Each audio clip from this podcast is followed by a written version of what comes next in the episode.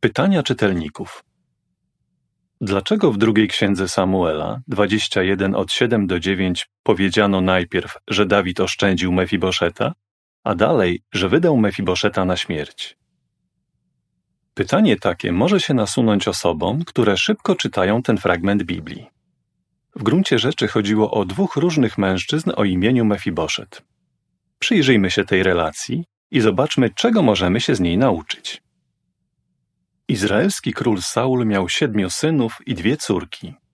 Jego pierworodnym synem był Jonatan. Później Ricpa, nałożnica Saula, urodziła mu syna, któremu nadał imię Mefiboszet. Co ciekawe, tak samo nazwał swojego syna również Jonatan. Tak więc król Saul miał zarówno syna, jak i wnuka o imieniu Mefiboszet. W trakcie swojego panowania Saul wystąpił przeciwko Gibeonitom, którzy mieszkali wśród Izraelitów, i próbował ich zgładzić. Najwyraźniej sporo z nich zostało zamordowanych. Był to poważny grzech. Dlaczego? Bo w czasach Jozułego naczelnicy Izraela zawarli z Gibeonitami pokój i potwierdzili to przysięgą. Za życia Saula przysięga ta dalej obowiązywała. Tymczasem on usiłował wytępić Gibeonitów. W rezultacie na nim i jego domu ciążyła wina za przelanie krwi. Druga Samuela 21:1. Kiedy królem został Dawid, wezwał do siebie ocalałych Gibeonitów. Zapytał ich, jak może im zrekompensować zbrodnie Saula, żeby kraj znowu mógł się cieszyć błogosławieństwem Jehowy. Gibeonici nie oczekiwali pieniędzy. Poprosili, żeby wydał na śmierć siedmiu synów człowieka, który planował ich wytracić. Druga Samuela 21:5. Dawid się na to zgodził.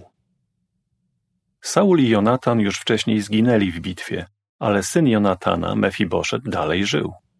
W dzieciństwie okulał w wyniku wypadku i nie miał udziału w kampanii Saula przeciwko Gibeonitom. Ponadto Dawid przyjaźnił się z Jonatanem i zawarł z nim przymierze obejmujące jego potomków, w tym Mefiboszeta.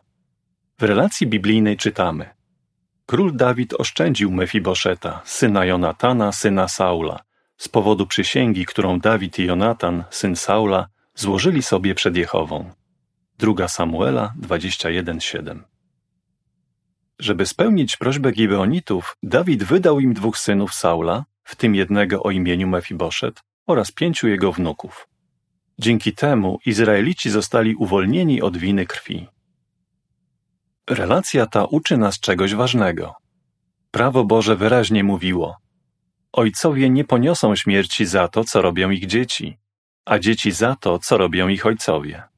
Powtórzonego prawa 24:16. Jehowa nie zaaprobowałby egzekucji dwóch synów i pięciu wnuków Saula, gdyby byli niewinni. W prawie dalej napisano: Każdy poniesie śmierć tylko za swój własny grzech. Wygląda na to, że tych siedmiu potomków Saula miało jakiś udział w zbrodni przeciwko Gibeonitom. Ponieśli więc karę za własny grzech. Wydarzenia te ilustrują ważną myśl. Nie możemy usprawiedliwiać swojego złego postępowania tym, że po prostu wykonujemy czyjeś polecenia. Musimy brać odpowiedzialność za własne czyny. Mądre przysłowie mówi: Wyrównaj ścieżkę, którą idziesz, a wszystkie twoje drogi okażą się pewne. Nie zbaczaj na prawo ani na lewo. Zawróć od tego, co złe. Przysłów 4, 26 i 27. Koniec artykułu.